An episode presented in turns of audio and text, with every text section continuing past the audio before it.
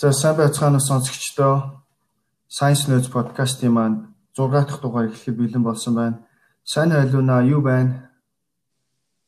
Сайн сайн уу сонсогчдоо. Сайн уу хоёроо бүгдээрэнд энэ өдрийн мэндийг хүргэе. За Америкт сонгуул боллоо. Өчигдөр уржигдөр. За тэгээд үүний талаар ямар бодолтой байна? Жо Байден тэргүүлж байгаа Трамп нэлээд хойно байгаа тэгээд шүүх шүүхтэлцчин сонгуулийнхаа нөгөө юугаа тоолчин саналаа тоолчин нэлийн л олон юм болоод байна да тий Харин одоо нэлийн ширүүхэн 7 хоног болж байна тий Америкийн төдийгүй одоо дэлхий дэлхийн улс орнуудын анхаарлын төвд байгаа энэ Америкийн ерөнхийлөгчийн сонгуул бас нэлийн л өрсөлдөөнтэй болж байгаа шиг байна. Аа. Яг одоогийн байдлаар бол Жо Байден 270 тийм санал electoral vote гэдэг. Тэрийг авахаас нэг 264-ийг авцсан байгаа. Тэгээд одоо Пенсильвания гээд мужи ч юм уу эсвэл Жоржиа гээд энэ хоёр аль нэг мужаас санал авах ерхийлэгч болох гэж байна л доо. Мм. Харин чи ямар ч байсан Iowa мужид бол Трамп гарчлаа. Танаа мужид болохоор Миннесота мужид болохоор Байден гарсан тийм ээ. Тий. Харин тий. Манай хот болон за Iowa City тэгээ нөгөө Moines гэдэг мужийн нийслэл энэ хоёр хотоос болохоор Байден бол нэлээд дээгүүр саналаа гарч ирж байгаа ч гэсэндээ нөгөө нийт мужаа аваад хөдөө Трамп бол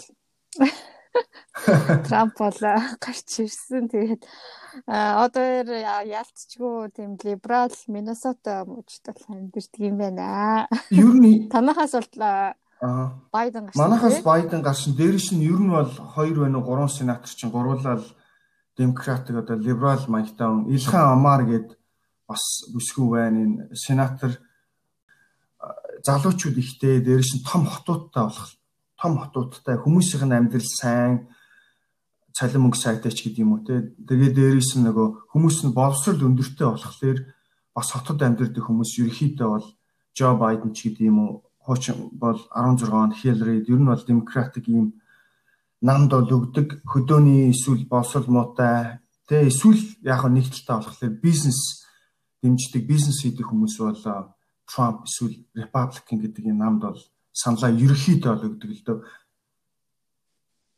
Аа. Харин тийм. За ямар ч хэлсэн тэгээд удахгүй ерөнхийлөгчтэй болно гэж бодож чинь. За тэгээд энэ ерөнхийлөгч маань бол Joe Biden байх магадлал бол маш өндөр байгаа шүү дээ тийм ээ. Тийм баг тэгэл 90 илүү өвтэй л одоо Joe Biden болох нь тодорхой болчиход байна. Одоо ерөөсөө цаг хугацааны л асуудал. Аа. Харин тийм. За за сонгуулийн 90 дэгрийн тойронд юм байх шиг байна. За за шин ерөнхийлөгчтэй болж гинэ гэж чинь тэгвэл шин сэдвтэ орё доо тий. Тэгээд. За за. За өнөөдөр хоёлаа ямар мэдээлэл бэлдсэн байгаа лээ сонсогчдоо.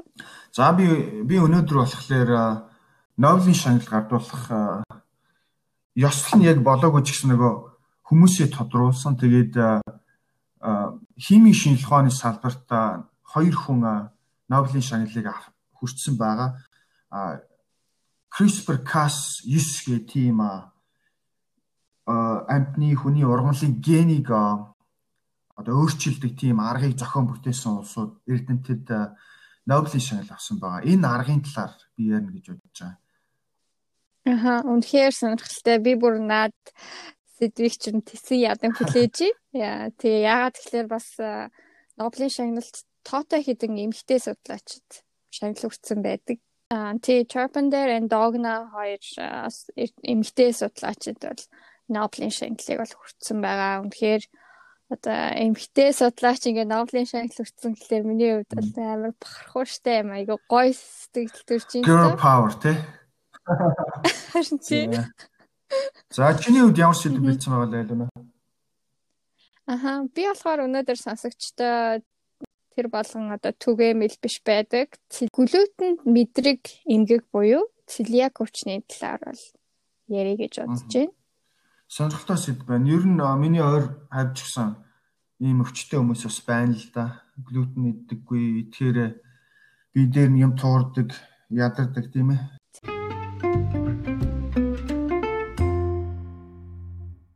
За би өнөөдрийн сэдвээр болохоор Нобелийн шагналын хими ухааны салбарт өртсөн хүмүүсийн тухай тэдний гаргасан одоо шинэ нээлтийн тухай ярихаар бэлдсэн байгаа. За ер нь бол Нобелийн шагналыг бол бүгдээрээ сайн мэдж байгаа шүү дээ тийм ээ. За өнгөрсөн 7 хоногт физикийн бас эдийн засгийн тэгээд энэ зүй ухааны Нобелийн шагналууд тодорсон байгаа.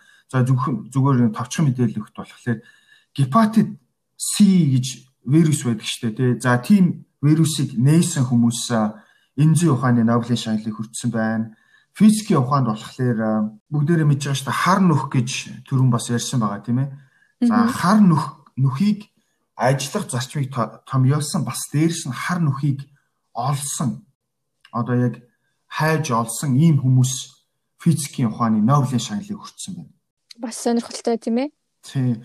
Ер нь бол саяхан олсон шүү дээ. Эний чинь хар нүхийг одоо манай дэлхий чи одоо хэр том бил манай дэлхийг нь манай нар хэр том бэлээ тийм ээ.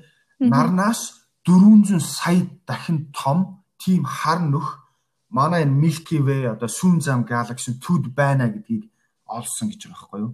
Тэгэхээр үнэхээр шинжлэх ухаан гэдэг бол гайхалтай тийм ээ. Харин тий одоо ерөөсөө санаанд багтамгүй л нээлтүүдийг л хүмүүс За тэгвэл энэ санаанд багтамгүй нээлтүүдийн нэгийг хийсэн ийм хоёр хүн байна. Emmanuel Charpentier, Jennifer Doudna, Doudna, Doudna ч юм уу те. За эдгээр хүмүүс бол 2012 онд анх тийм судалгааны одоо эрдэм шинжилгээний бүтээл гаргаж одоо пепер хэвлүүлсэн тий. Тэрийг бол CRISPR-Cas9 9 буюу CRISPR-Cas9 гэж нэрлэдэг ийм ДНХ-г бол засахаар ухаан бол анх бол бүтээсэн. За ер нь бол Нобелийн шагналын албан ёсны вебсайтад тэмдэглэхдээ амьдралын кодыг дахин бичих аргыг олсон хүмүүст энэ жилийн химийн ухааны Нобелийн шагнал очсон гэж тэмдэглэсэн. За дээр хоёр хүн маань 7 дахь бол 8 дахь эмэгтэй хүмүүс болж одоо Нобелийн шагналыг авч байгаа ийм хүмүүс болж бүртгэгдсэн байна. Хоёр эрэгтэй хүн хамтарч авсан бол анхны тохиол болсон юм байна. Аха одоо эмэгтэйчүүд бид нэр хамтруул юу ч хийж чаднаа. Харин тийм ер нь бол шинжилгээний салбарт хуучин үед одоо бол жоох өөрчлөгдөж байгаа л инженер болон шинжилгээний салбарт эмэгтэйчүүдийн хүч нөлөө бол айгүй бага байсан шүү дээ. Одоо ингээд нэмэгдэж байгаад нь бас баяртай л байна л да тийм ээ. Харин тийм. За тэгвэл зүгээр товчхон ДНХ гэдгийн талаар товчхон зүгээр мэдээлэл өгөхгүй бол бас болохгүй бах тий. За эс гэж юу вэ гэж байна.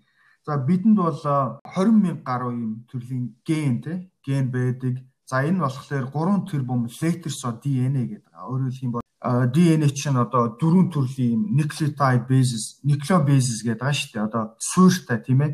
ATGC гэдэг одоо ийм өөр өөр төрлийн одоо юу гэдэг nucleic acid гэж нэрлэдэг. За тэгээд ийм 3 тэрбум гаруй одоо ийм letters of DNA ийм саяны ярьсан өсгийн хэлбэртэй DNA бол агуулгад юм байна. За тэгээд DNA нь бол ерөнхийдөө амтан ургамал болон биологийн бүх төрлийн зүйлийн биологийн мэдээллийг бол хадгалдаг. За эдгээр генүүд бол бидний хинбэ гэдгийг бол тодорхойлдог. Өвчин хууч, өсний өнгө, өндөр биеийн хэлбэр их бүх зүйлийг бол тодорхойл. Нөгөө нэг удамшлын одоо удамшлын мэдээллийг хадгалдаг шүү дээ тий DNA маань одоо бид нэг копигоо болохоор ээжээсээ нэг копигоо бол ааваасаа аваад За ингээд одоо энэ тийм учраас одоо DNA маань гол бидний удамшлын мэдээллийг хадгалдаг үндсэн биологийн молекул болдог. Аа. Тийм ээ. За саяны ярьсан шиг за ийм те генүүд маань өвчний өвчин үүсэх нөхцөлийг бүрдүүлдэг. Тиймээс хэрвээ генийг одоо ДНХ ч юм уу сайн судалснаар яаж ажиллах зарчмыг ойлгочих юм бол янз бүрийн өвчнөөс сэргийлж болно гэж. За тэгвэл бидний одоо ярих энэ арга маань энэ өвчнийг сэргийлэх зүйлтэй бол холбогдож ирж байгаа. За ер нь саяны ярьсан CRISPR Cas9 гээд энэ арга маань бол яг тийм шив шин арга бол биш За CRISPR гэдэг аргыг бол анх 90-ад оны үед Испани эрдэмтэн Мojika Mojica гэдэг ийм эрдэмтэн бол анх бол гаргаж ирсэн байна.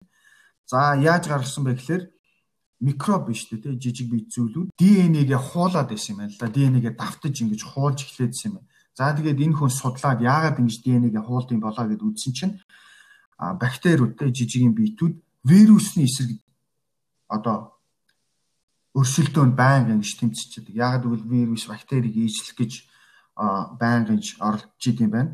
За тэгээд тэр бум тэр бум гаруу те хэдэн тэр бум жил ингэж тэмцсний эцэст одоо энэ тэмцэх аргаар төгөлдржүүлж ийм нэг арга болсон юм байна.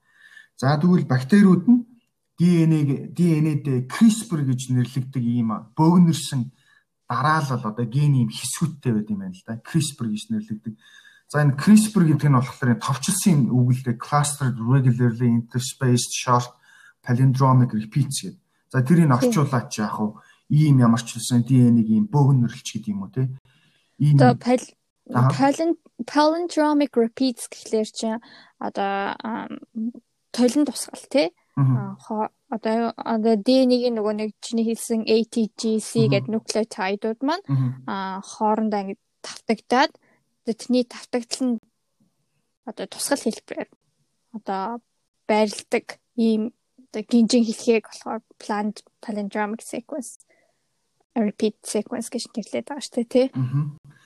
За тэгвэл за бактериуд нь тий саяны ярьсан энэ palindromic sequence одоо CRISPR дараа дараачийн тогтолгооноос сэргийлэхийн тулд санамж үүсгэж гисэн. Өөрөөр хэлэх юм бол тэр вируснуудын ДНХ-г одоо хуулж хадгалж ирсэн тий санамжинд огтоохын тулд. За энэ нь болох юм бол өөрөөр хэлэх юм бол бактерийн эсрэг одоо дархлааны систем аа болж байгаа гэсэн. Яг бидний бие ч гэсэн яг л бас тэгжил ажилладаг шүү дээ тийм ээ. Тий, тэрхүү зарчмаар одоо тархлааны систем нь ажилладаг тий. За тэгвэл ийм аргыг аргыг нь ийм одоо зүйлийг анх бол CRISPR гэдэг ийм аргыг бол Испани эрдэмтэн 90-ад онд олсон юм байна.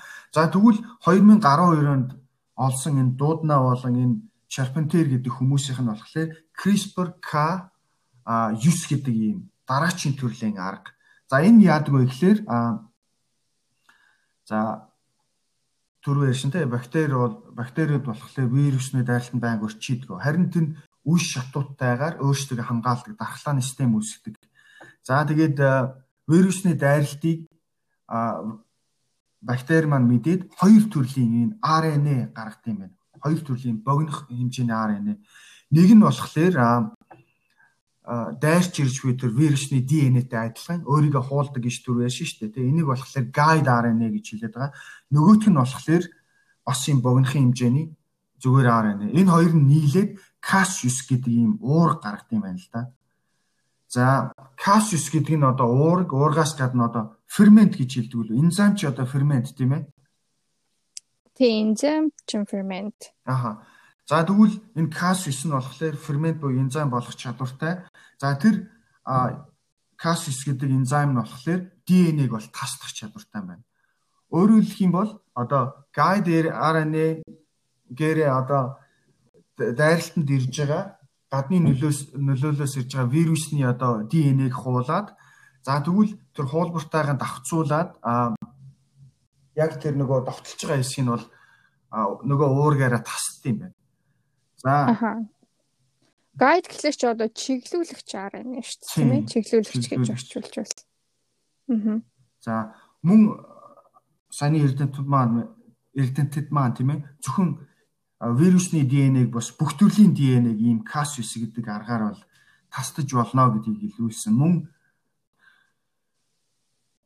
лабораторид шилэн хуруунд одоо энийг чи хийж байгаа шүү дээ тийм ээ. Үүнээс гадна одоо амьд зүйлийн эс эсийн цөмд энэ аргыг бол хэрэгжилж болно гэж бол батлсан юм байна л да. За тэгээд аа ДНХ-г дасцсан дасна гэдэг байгаа шүү дээ. Даснараа одоо яг ямар ашигтай юм бэ гэд. Тэгэхээр одоо зарим одоо генетик удамшлын мэдээлэлд одоо өвчин үүсгэгч генүүд агуулгадчихэдэг тий. Тэр өвчин үүсгэгч генийг энэхүү аргаар одоо тэр өвчин үүсгэгч гений хэсгийг бол тастаж арилгах юм боломжтой гэж ойлгож байна. Тийм ээ би нэг жишээ хэлчихлээ тэгвэл тийм ээ. За 2018 он Хятадын эрдэмтэн Хи Жинку гэдэг ийм хүн энэ CRISPR гэдэг аргалаад анхны одоо designer baby гэж хэлээд байгаа юм л да. Одоо нөгөө ДНХ-г нь өөрчилсөн анхны ийм хүүхдүүдийг бол их их нь хөвлөд бол ДНХ-г нь засаад анхны ийм хүүхдүүдийг бол төрүүлсэн гэдэг юм одоо зассан тийм ээ ДНХ-г нь зассан. За тэгвэл энэ яасан бэ гэхээр нөгөө ээж нь ч юм аав нь ч юм одоо HIV тий дохын халдвартай л байсан юм л да. Тэгээд тэр нөгөө эмбрио эмбрио гэдэг лөө эмбрио гэдэг чинь юу хэлээ?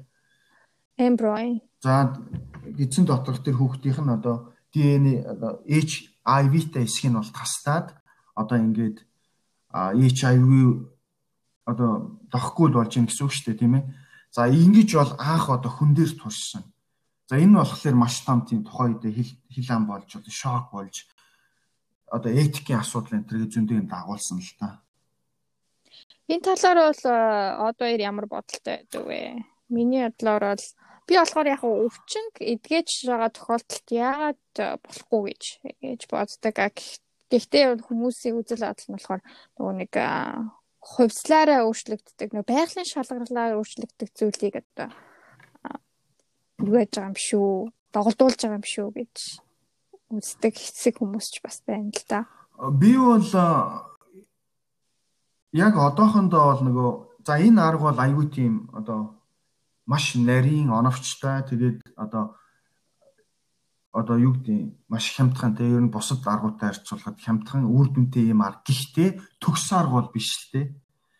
Одоо жишээлбэл тодорхой хэмжээний тэнцэн complication гэж ярьдаг одоо дараа дараа чинь буруу үр дагавар үүсэх магадaltaй энэ арга маш сайн судалж ийж ямар буруу одоо сүрэг үр дагавар үүсч болох вэ гэдгийг сайн мэдчихэж тэрийгэ зохицуулсныхаа үндсэн дээр л хүн дээр турших хэрэгтэй гэж бодож байна. Одоохондоо бол арай болоогүй. Миний хувьд бол тийм байна. Одоохондоо бол арай цаг нь болоогүй. Гэхдээ яваа явандаа бол арга нь төгсөж ирэхлээр болох юм байхгүй л дээ. Аа.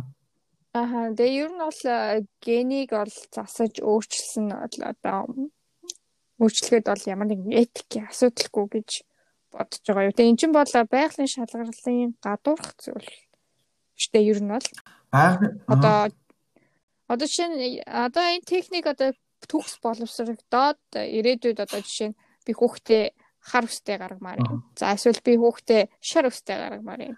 Гэх мэтчлэн. Ер нь бол ирээдүйд баг л тэхэл байх гэж би бол бодож байна. 50 жилийн дараа ч юм уу 30 жилийн дараа ер нь бол иймэрхүү зарим хүмүүс бол иймэрхүү арга хэмжээ аваад хүүхдээ ч юм уу өөрийгөө ч юм өөрчлөх өөрийгөө цаашаа ер нь бол өөрчлөх бол боломжтой. А энэ дээр бол энэ нөгөө дуудна гэдэг нөгөө Нобель авсан хүн чинь бас хэлсэн л байл л да. Яг одоогоор бол энэ хүн бол энэ CRISPR аргаараа коронавирусыг илрүүлж устгах төслөөр ажиллаж байгаа гэсэн байна. Тэгээд энэ CRISPR-ыг ашиглаад одоо бидний хүн төрлөختөн өөрийн одоо эсийг вирусны эсрэг дасан зохицохыг хүлээх бол цаг хугацаа байхгүй жишээлбэл. Тэгвэл энэ CRISPR аргаар өөртөө тохируулаад ингээд засах ийм боломж нь ирсэн. Энэ үед бол яага болохгүй гэж гэж хэлсэн байл л тэ.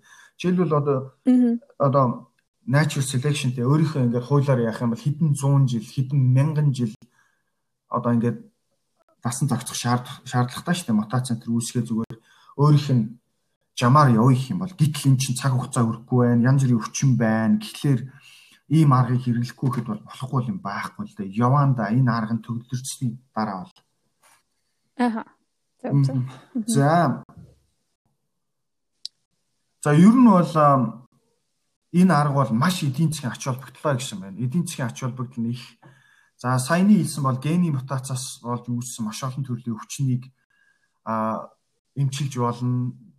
Одоо дээрэс нь хемоглобин хемоглобин гэж байдаг шүү дээ. Тэ одоо тэрий чинь одоо цусны дах агаарыг тээдэг ийм зүйл гэсэн үг үү те? Тий цусандаг агаарыг тээдэг одоо уурга тий төмрийг одоо төмрийн агуулмжтай. За тэгвэл гемоглобины дутагдал гэж бас аюу том өвчин байна. За тэгвэл CRISPR аргыг ашиглаад энийг бол эмчилж ийн. Дээрээс нь одоо төрөлхийн хараагүй дэлтэй болсод хүүхдүүд бас төрдөг. Энийг бас өөрчилж ийн. Sickle cell гэдэг өвчин сонсч ирсэн үү? Аа хамгийн анхны одоо genetic therapy буюу генетик эмчилгээ хийгдсэн өвчнүүдийн нэг байгаа. За тэгвэл энэ sickle cell өвчин дээр бас CRISPR аргыг ашиглаж юм. Дээрээс нь зарим хүмүүс бүр сүнсэн мөксөн амьтдыг эргүүл сэргээхэд ашиглана гэсэн байна. Одоо динозавр ч юм уу амьлуулах юм байна л да. За тэгээд хамгийн сүүл гарсан мэдээгээр бол а Флорида тийм ээ 750 сая а ийм шумуулыг байгальд сулж тавина гэж байгаа. За энэ шумуул нь болохоор одоо CRISPR аргаар DNA-г нь өөрчилсөн юм шумуулууд. За яагаад ийм шумуулууд гарч ийн гэхээр шумуул чи ер нь бол янз төрлийн вирусны бас их усвэр шүү дээ. Тэгээ Zika вирус гэж байна, Dengue вирус гэж байна. Одоо хамгийн гол өвчнийг тараадаг. Амтан тий. Тараадаг шавж. Гол шумуул тийм ээ. За тэгвэл эдгээр шумуулууд нь одоо хүнийг хатснаар одоо ийм вирусник хавдар тий халдвар авахд бол хүргэдэг. ДНХ-г нь өөрчилчих юм бол нөгөө шумуулууд маань ихэнх шумуулууд нь болохоор эргчин төрн эргчин болохоор хаздаггүй тийм ээ. За эмэгчин шимэл хэрвээ төрлөө гэхэд одоо юу гэдэг насгүй нас биеийн хөрж тодорхой үед хөржиж хүнийг хазд юм байл. Тэрнээс өмнө автоматар нас урдаг тусгай эм төрлийн протеиныг бас ДНХ-д нь суулгаж өгсөн юм байна л да. Ийм болохоор одоо хазгаас өмнө нас урдаг. Тэгэхээр а ингээд бас л байгалийн ийм зохицлыг өөрчилж байгаа юм байна л да. Хүн өөртөө зориулж. Энийг юу ч хэлэх юм бол ДНХ-г нь өөрчилснөөр тусгай төрлийн уур гүйсгээд тэр нь насанд хүрэхгүйгээр өөрийгөө устгах юм уу? Яг тэгж тэгжил тийм ээ сая хэлсэн этикийн асар том асуудал дагуулж ийн араасаа тэгээд бас энэ аргыг зохион бүтээсэн гэдэг өөр хүмүүс гарч ирээд бас хууль шүүхийн байгууллага тандаад ингээд зарга үсгээ зөндөө явж байгаа. Ер нь л аюу тум сэдвэл дээ. Пациентийн асуудал дээр бас их асуудал үүсээд байгаа гэж сонсч байсан юм байна. Харин тийм үнэхээр сонирхолтой одоо шинжлэх ухаан дээр одоо юу л бол юуг өөрчилж чадхаар юм хүчтэй байна тийм ээ. Харин тий одоо зарим хүмүүсийн ярьж байгаагаар бол одоо химийн ухаанд гарсан одоо хоёр дахь том нээлттэй гэж тийм ээ. Эхнийх нь болохоор DNA-г нээсэн одоо Watson центр хүмүүс double helix центр гээд нээсэн байгаа шүү дээ. Тэр бол эхнийх нь энэ бол хоёр дахь нөө энэ гэж зарим хүмүүс бол хэлсэн л байлээ. Илүү сонирхолтой судалгаа шинжилгээ хийгдэж нээлтүүд гарахыг бол бид нэр мэдгүй тийм ээ. Гэхдээ тухайн үед нь бол уншаа сонсоо тэгээд ярилцсанаа гэж найдаж байна тийм ээ. Харин тийм подкастаараа сонсогчтой шин шин мэдээллүүдийг бол хүргэсээр байх болно. За за үнэхээр сонирхолтой сэдв бэлдсэн одоо ярьтаа сонсогчдийнхаа өмнөөс маш их баярлалаа гэж хэлмээр байна. За баярлалаа. За Аха. За за би өнөөдөр болохоор сонсогчтой целиак өвчний талаар буюу одоо глютенд мэдрэг эмгэг гэж нэрлэгддэг. Одоо глютений хашилт гэж бас нэрлэгддэг. Энэ өвчний талаар бол мэдээлэл бэлдсэн байгаа. Аа. Сонирхолтой сэдв байна. Аха. Эхлээд би одоо өвчний түүхийг яриад за тэгээд а яг глютений хэрхэн одоо өвчлөл үүсгдэг механизмын талаар яриад за тэгээд шинж тэмдэг болон одоо эмчилгээнийхэн талаар л яриад яриагаа төгсгий гэж бодож байна. За цэлиак өвчин яг ямар түүхтэй вэ тэгэхээр хамгийн анх бол 2000-ад жилийн өмнө грекийн эрдэмтэн Аритетус гэдэг одоо эрдэмтэн судлаач бол анхын өвчнийг бол илрүүлж ирсэн байна. За энэ үед бол тухайн Харитоц эмчийн одоо өвчтөн нь одоо шимт дэжээлийн дутагдал бас болоод одоо одоо гизэнгүүлэгдэг юм шинж тэмцэгтэй байсан.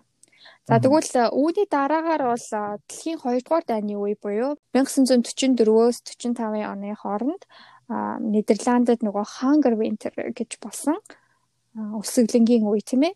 Дайны үеэр За энэ үеэр бол эмнэлэгт бол талхны нөөц бол тасарсан байгаа. За энэ үед болохоор хүүхдийн эмч доктор William DK юг анзаарсан бэ гэхээр зарим нэг өвчтнийх нь бие бол эрс сайжраад эхэлсэн. А гэтэл дайны үе дуусаад одоо талхны хангамж дахиад эхлэх үед одоо тухайн өвчтнүүдийн бие нь бол буцаад муудаж эхэлсэн байгаа. За энэ үеэс эхлээд бол цэлиак өвчин одоо анх бол тогтоогч гарч ирж ийсэн юм байна. За тэгээд энэхүү глютенд мэдрэх өвчин болготой целиак нь болохоор сүүлийн 50 жилд маш их өсөж өсөх хандлагатай байгаа өсөж байгаа ийм өвчнүүдийн тоонд ордог юм байна. За тэгвэл глютен гэж яг юу юм бэ? Глютен гэдэг нь өөрөө одоо глю гэдэг цавуу гэдэг үгнээс гаралтай тийм ээ. Глютен нь болохоор глайден болон глютенин гэсэн хоёр уургаас бүрддэг юм уусцаггүй нийлмэл уург байдаг юм байна.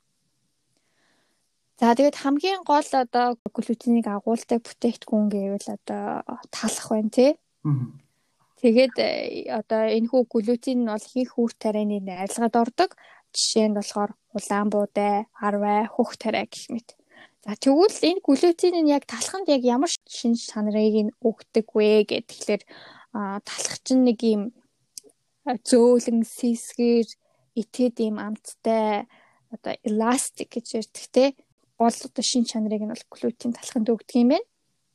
За тэгээд талхнаас гадна глютин нь болохоор гомон, cereal, зав төрөл бүрийн витамин, аминдимийн нэмэлт бүтээгдэхүүн те уруулын будаг, зарим мөс болон гоо сайхны бүтээгдэхүүнүүдэд хүртэл агуулгаддаг юм байна. Gluten free хоол мод идэхлээр ч айгүй амтгүй байдаг шүү дээ. Тэгээд ямар нэгэн амттай холбоо байна уу юу глютен? Харин тийм одоо талхны бас тэр гоё амтыг бол глютен бас бүрдүүлж өгдөг гэсэн үг. Тэгээ ихэнх ер нь глютен фри бүтээгдэхүүнүүд ер нь бол амт муутай байдаг те. Тийм. За тэгвэл их хүмүүс бол глютенийг ямар нэгэн асуудалгүйгээр шингээж боловсруулж чаддаг боловч зарим хүмүүс нь бол глютенд их мэдрэг байдаг. За тэгээд энэ хүмүүсийг болохоор autoimmune disease буюу одоо celiac өвчтэй гэж үздэг юм байна. За autoimmune гэхэлэр манайхан мэдж байгаа хэл та одоо хүний тархлааны систем чинь одоо гаднаас орж ирсэн нэм бактери гадны биетийг бол устгах үүрэгтэй байдаг. А гэтэл тархлааны систем ямар нэгэн доголдолд орсноороо өөртөөхөө өөрийнхөө эдис рүү одоо товтолж дайрч гэмтэж эхлэх үед бол энийг бол автоиммун disease буюу автоиммун өвчин гэж нэрлэдэг байх нэ. За тэгээд энэ хүү цэлиаг өвчин ихэнхдээ бол одоо удамшлын гаралтай 100-аас одоо 200 хүн дотмын одоо нэг нь глютенд мэдэг юм харшилтай буюу цэлиаг өвчтэй байдаг гэсэн судалгаа байдаг юм байна. Тэгээд глютенд мэдрэх хүмүүсийн одоо 80-аас 95% нь өөрсдийгөө ол глютенд мэдрэг харшилтай гэдгийг бол мэдгүй явдаг юм байна. Мэдэх арга нь юу аах вэ? Жишээлбэл гэрийн нөхцөлд мэдэх хамгийн нэг гол арга нь болохоор ерөөсөө талах гурил гурлан бүтээгдэхүүнийг хоол хүнсээсээ гаргаад 7 хоног дэглэн байрахтаа өөрийнхөө хоол боловсруулах хэрэгтнийг хэрхэн ажиллаж чинь одоо бид ямар нэгэн өөрчлөлт орж ийн гэдгийг маш сайн ажиглах хэрэгтэй. За тэгээ үүний дараагаар бол талхыг бол хэрэглээнд өөрийнхөө хоол хүнсэнд бас хэрэглэж үзээд хэрвээ хоол боловсруулах системд ямар нэгэн өөрчлөлт орж одоо таныг одоо таныг их ядрааж те эвгүй тухгүй байдал үүсгэж байх юм бол та бол глютен бидрэг байх юм боломжтой гэсэн үг. Энэ дээр бас юм туурдаг гэсэн үү? Харин тийм а янз бүрийн бидээ туурч захтнаа үүсэх бас нэг одоо глютен мэдрэг хүмүүсийн шинж тэмдэг. За тэгвэл глютен яг яагаад өвчлөл үүсгэж байна хүний биед гэд үзэх юм бол за глютений бол бидний хоол хүнстэй хамт бидний биед ордог. За тэгээ ходоодонд очиод gliadin буюу глютен гэсэн хоёр уурагт бол задардаг юм байна. За тэгээд ам бидний биед оршихын хүү энзим ферментүүд нь бол глайдин уургийг олж чаддаггүй юм байна. Бидний одоо энэ улаан хоолой, ходоод, бүдүү нарийн гидсний одоо гадаргуух ханыг үүсгэж байдаг энэ хүү epithelial гэсэн эсүүд маань хоол тэжээлээр орж ирсэн хортой хүнс бүтээгдэхүүнийг бол бидний биед орохоос бол хамгаалж яадаг бас нэг юм гол үүрэгтэй. За гэтэл глайтин глютен бол бидний хоол хүнстэй ороод ирэх үед бол epithelial эсийг хамгаалж яадаг IgA гэдэг эсрэг бит байж байдаг. За энэ IgA нь бол глютений нэгдэл болох глайдинтай бол нийлж комплекс үүсгэхэд за тэгээд бидний тархлааны системд бол энэ одоо болохгүй зүйл байна. Одоо устгах хэрэгтэй гэсэн мэдээллийг өгч идэг. За ингээд дархлааны систем нь болохоор цагаан айс лимфосайтууд хурж ирээд одоо энэ хөө IJ gliadin-ийн комплексийн хэсгийг бол устгах юм арга хэмжээнд ордог. За энэ устгах энэ дайны үед одоо дайнал гэж нэрлэгдэндээ тийм ээ. Энэ тэмцлийн үед epithelial буюу одоо бидний нарийн гидсний ханыг одоо гол үгийг гүйцэтгэж байдаг epithelial эсмэн бол гимтдэг юм байна. Аа за бидний гидсний гадуур ханыг бүрдүүлж яадаг одоо гол эпителиал эс гэж байдаг. За энэ эс маань болохоор яг юм одоо дэлгэцэн гарын алхад гар шиг юм хэлбэртэй. За тэгээд их биеийг нь бид нэр гарын алга гэж үзэх юм бол энэхүү эснээс гараад ирсэн одоо хуруунууд, гарын хуруунууд шиг юм хүсэнцрүүдтэй байдаг. За энэ хүсэнцрүүдийг нь болохоор villi гэж нэрлэдэг. За энэ villi-ийн хамгийн гол үүрэг нь болохоор бидний хоол хүнсээр орж ирж байгаа шимт хичээлийг шингээж авч одоо цусны эргэлтэд системд маань оруулах. За гэтэл энэхүү одоо глутинаас болж үүссэн дархлааны системийг өдөөж үүссэн энэ тэмцлийн үед болохоор энэ хүү вилайн бол гэмтэж алга болдог. За ингэснээр үүний нарийн гидсний манд гадаргуу нь бол хавтгай болж ирдэг. За хавтгай болохоор нөгөө нэг хоол тийжэлээс орж ирж байгаа шим тийжлийг бид нэр бол авч шиддэг юм байна. Хангалттай хэмжээгээр. За тийм болохоор глютен эзний дараа хүний бие организм бол бүхэлдээ хямарч эхэлдэг. Шим тийжээсээ авахгүй болохоор ядарч ийн гэсэн үг үү те бас ядарн, толгоо өвдөн, заримдаа болохоор шүн одоо уруул ам хатан, ус гүйжин бид нар ч бас нарийн гэцээрээ нөгөө нэг усыг өөртөө шингээж авдаг. Аа. За ер нь бол глютен бусад хоол хүнстэй хамт цуг орж ирдэг боловч одоо ходоод бол хэвийн бус болж улмаар гидсний одоо хэвийн үйл ажиллагаа алдагдан сахар болон тоос амин дэм эрд специйг бол шимэгдэх түвшин буурдаг гэсэн үг. За тэгээд э, энэ хашлын үеэр хүмүүс бол зарим нь бол илүүжинд нэрвэгдэж одоо хөвлийн хэсгээр илүү тархлах ийм магадaltaй байдаг. За тэгвэл А энэ энэ өвчнөөр өвдсөн хүмүүст бас нөгөө нэг гидэс дүүрэх за тэгэл хий гарах юм шинж тэмдгүүд бас илэрж идэг. За тэр нь болохоор нөгөө нэг хоол хүнсээр орж ирсэн шим тэжээл маань бидний биед бол нэвчиж орж чадахгүй улмаас бидний дунд бидний одоо гидсэн дотор байж идэг ашигтай бактериуд бол тухайн шин тэжээлээр хооллоод тэгээд нөгөө нэг илүү хин тийм хийх гаргах гидс дүүрхийн шинж тэмдгүүдийг бол өгдөг юм байна. За насан туршийн хүний одоо цэлиаг өвчтэй гол шинж тэмдэг нь юу байдаг вэ гэхээр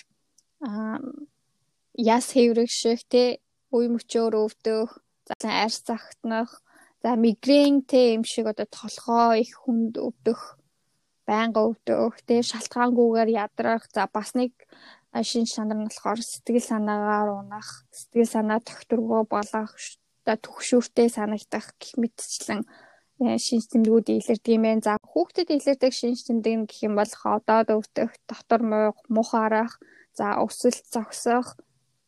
За тэгээд бэлгийн бойжлтууд оошрох, өтгөн хадах гэх мэтчил шинж тэмдэг илэрч болдог. Э цэлиакийг бол оншилгоход айгүй хэцүү. Яагаад тэгэхээр гарч ирж байгаа энэ шинж тэмдгүүд нь бусад өвчнүүдтэй андуурагдах тохиолдол маш их байдаг. Аа. Тийм учраас зарим хүмүүс бол энэ хүү өвчнийг мдэггүйгээс бол хүндрүүлэх юм аюултай байдаг. За ингээ хүндэрсэн тохиолдолд мэдрэлийн системд бол доголдол үүснэ. За тэгээд яс хэврэгшин тарих одоо манан дунд байгаа мэт болно. За тэгээд хамгийн аюултай нь бол хавтар хүртэл үүсгэх юм боломжтой байдаг юм байна. Тийм болохоор аль болох бид нар бол глютенд мэдрэг үгүйгээ тодорхойлж одоо өөрийнхөө бие организмыг маш сайн ажиглаж юу идэж ууж байгааг бас маш сайн анхааралтай байх ёстой гэж бодож байна. Харин тийм байна. Сайн бас болгоомжтой болох хэрэгтэй. Би ч бас нөгөө gluten free enter гэдэг хүмүүс идээд тахлаар маягтай амж гэдэг юм уу тэгж анхандаа боддог л байсан л да.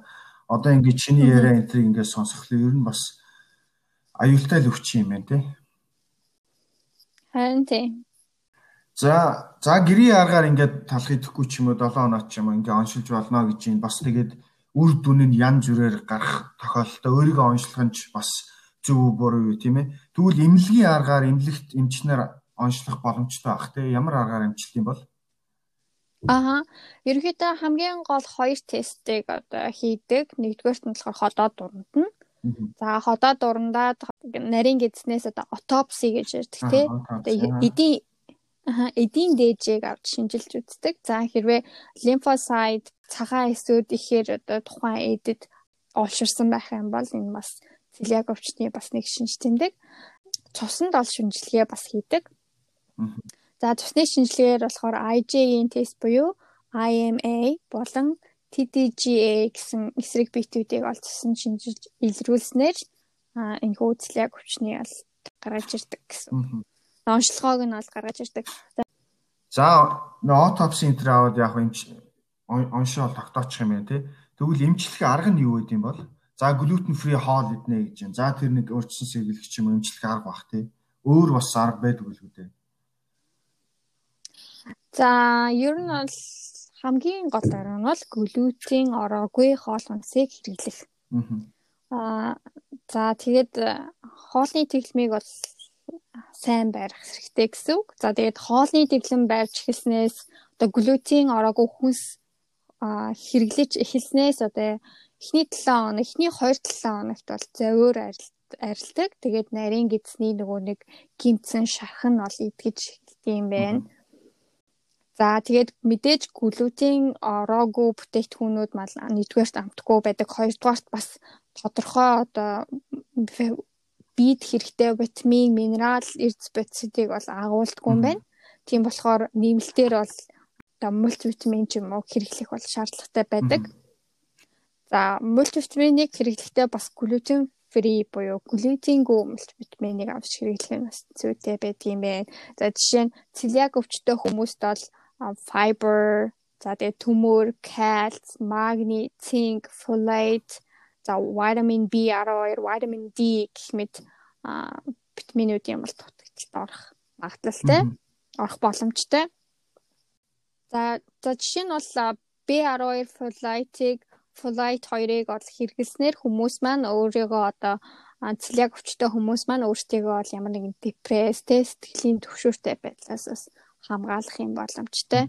Яагаад тэгэхээр энэ хүү сэтгэл готрол болон энэ одоо сэтгэлийн төвшөөртэй байдал нь болохоор BR2 болон флойт дутагдсанаас бол үүсчихдээ. Одоо нөгөө нейротрансмиттер гэж байгаа шүү дээ тархинд тэрнтэй л тэрэнд л нөлөөлдөг л бодисуд байна л да тийм ээ.